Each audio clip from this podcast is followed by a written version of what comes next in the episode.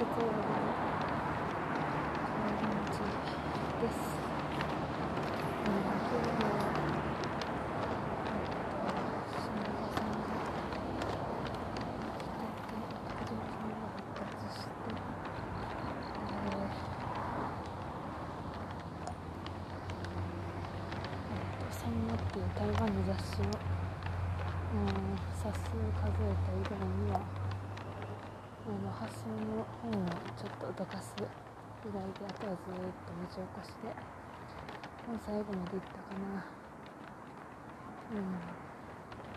こう人の伝記というかそういうのを書くっていう時にあのエベレスト劇場栗木の部活のエベレスト劇場で初めてなんかルポタージュに私は触れたような気がするけども、まあそこはその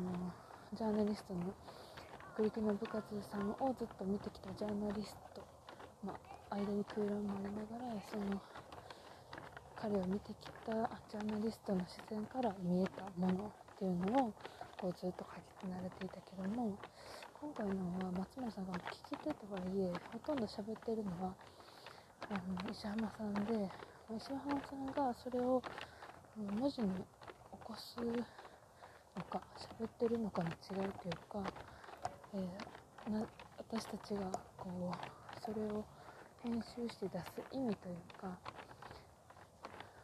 それだったら石浜さんが自分の、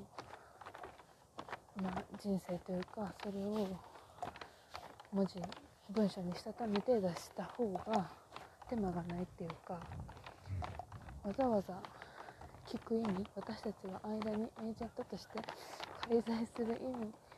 は何やろうかというのをちょっと考えたりしたかな。すごく話が面白くってこうエンターテインメントな気質というかすごく人を喜ばせたいっていう気概がすごいある人なんやろうなっていうのを話聞いてて思うけどでその話がすごく面白くていろんな人が、えー、と興味を持ちにも、えー、分かるんけどもなので内容はすごく面白いんやけどそれを本にした時にどういう視点からどういう編集をするのかっていうところかな。私たちがそれを出す意味っていうのは何なのかなと思って、えーうん、ただ話する面白い話を話しててそれを文字起こしするだけやったらやっぱつまんないというか。でまあ小学校とか中学校高校ぐらいのところは結構饒舌に話されるとこもあるけどなんとなく引っかかったのはそのコスあのそこのインドに、まあ、1920歳で行って234ぐらいで帰ってくる時にそれがどうなったかみたいなところがやっぱりちょっとうん足りないというか何かでも話すのもすごくカロリーのいるところなんやけどもその小中高ぐらいの活発さというか滑らかさはちょっとないようにも感じてでもそれは多分その後の人生とかにすごく大きくつながってくるところやからこうスラスラとは出てこないというかそういうところがあってちょっとノイズというか引っかかりというか、うん、そういうのがあるような気がしたんで。そこは何やろうなっていうのを今ちょっと思ってるかな。うん、でもすごくこうセンシティブな内容になってくるというか、まあ、高校の時その思いつきではないけどその勢いで3年間行ってしまって日本に帰って時にここからどうなって、えー、立て直すというかそこから人生を歩んでいくっていうのはすごくまた違う忍耐力が必要というかそういう感じはすごくするし。まあ、そのでもいろんなものをすごく見てきはったやろうなというのは思って、えっと、その特に2002年にインドとパキスタンの間で戦争があって一時帰国した時のこととあとその道端で、まあ、3年間ぐらい、えー、ずっと知り合いやった人が、まあ、倒れて亡くなってたっていうところでこうもう子供のままではいられへんというかでもどうしても成長してしまったんなっていうのはすごく感じる部分でその少年の時あと、うん、そうそうそう師弟関係でやっぱお師匠さんについてたっていうのでかなり精神力っていうのが鍛えられるっていうかすごく筋力的なあの修行みたいなことをしてたのでなんかそういうのがちょっと人柄にだんだんにじみ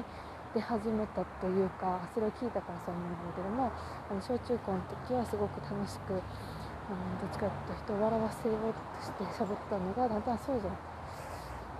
もっと根幹に触れるような話になってくるのかなというのはちょっとったりそこかななんか違和感違和感というかなんかこう色調がちょっと変わってきたというかそういうのがあるのはそういうところなのかなこうまとまった話というよりかポツポツと出てきたから、えー、文字を書き起こしたとしてもなかなかそれをオーガナイズしにくいような部分もあって結構切り張りしながらそう今だったら言ってる話を全部書き起こせばそれなりに気象的結論できて面白いところもあってというふうに言ってたんやけども次からそうじゃなくないというかどっちかというとドキュメンタリー色強くなってきてそうやっぱ真面目な感じでちょっとなってってるんかな。うんでももうこれでインタビュー終わってて1回目がその3月にで小学校からだって高校ぐらいの時まで。で次2回目の5月2ヶ月後にしたのが、まあ、大体高校とか大学ぐらいのことを話してって。じゃあ次第3回というかそこから日本に帰ってきてからの話ってどういうふうになるんやろうか。なかなか大変。やろうなとは。その変に。そう。だからインドでえー、これが常識やと思ったのが日本で。マイナスに働いた部分もあったかもしれないっていうふうにぼそっと言わはったのはちょっと肝じゃないかなというふうにはうん。やっぱりインドの学が強烈すぎるしすごく感受性も豊かな人だからそこから日本に帰ってきてまあ、生活を営むってなった時に必ずぶつかる部分はすごく出てくるだろうなと思うし、えそれで今こんなに楽しくお話はされているけどもここに至るまでその大学卒業してインドから帰ってきて日本でどういうふうに過ごし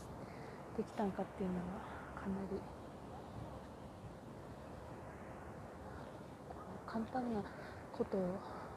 難しいことの方が多かったような多かったように思うからすごく楽しそうに自分何も考えてなくって楽しくやってますっていうふうに振る舞うけど絶対に紆余曲折というか、うんまあ、でもそれを次だからどう話すか、ね、なんかそれを本当に石浜さんが話したいかどうかっていうのが、うん、でもそのそのジャーナリストズムとかそのレポタージの話を考えた時にその人が話したくないところも聞くのがそういう伝記を書く、うん、意味意味っていうかそういう要素もないとただ単にそれは自己満足の方で終わってしまうからだからそのそうそう。それだったら本人が書けばいいんだよね。だから本人もちょっと嫌かもしれないとかうん、語りたくないかもなとか自分ではしなかったかなみたいに思うようなことをやっぱり聞かんといけんのじゃないかなというふうに思ったのかな。うん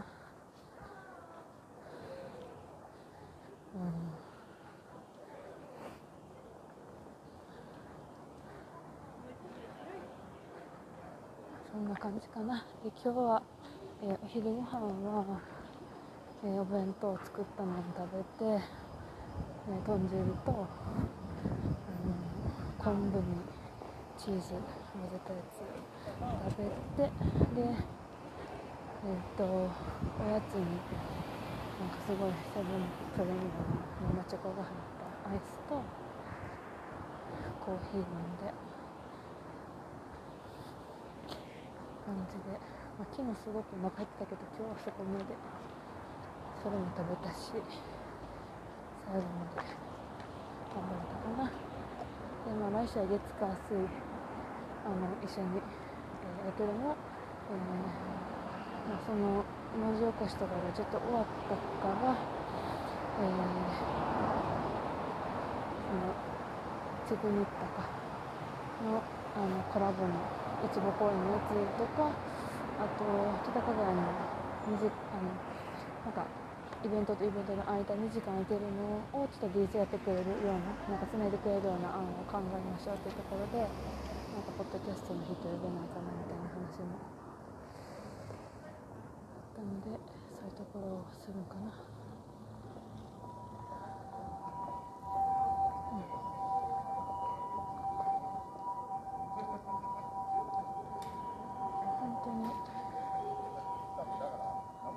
気候が寒くなってきて。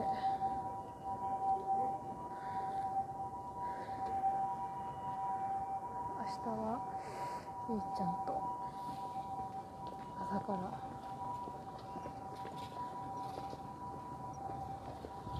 で遊ぶけど今日の夜は習字に行くので、まあ、体調崩さないでぼちぼちやって活動も進めて進めれたらいいなと思うけどねそんな感じで、最近すごいお腹が減るけど絶対パンは食べないでおこうと使っている今日この頃でそんな感じではい。